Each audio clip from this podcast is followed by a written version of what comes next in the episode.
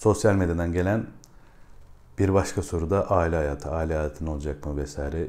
Bunun için ben zaten her ay e, sonunda o geç, yani geçirdiğimiz ayın aylık programı hakkında bilgiler veriyorum ama buna rağmen sorular bitmiyor, sorular bitmiyor.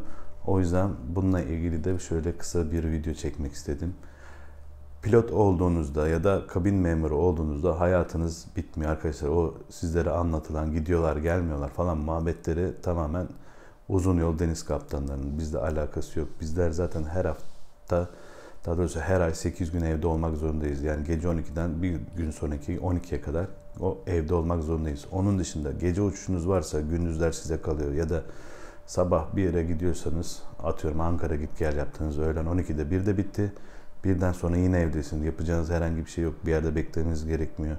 Bugün mesela ben e, nöbetçiydim. Nöbetten uçuş çıkmadı. 8 gün altına bir yan 9. gün oldu vesaire. Yani ailenize vakit ayırmak istiyorsanız aileniz varsa ve vakit ayırmak istiyorsanız vakit ayrılır arkadaşlar.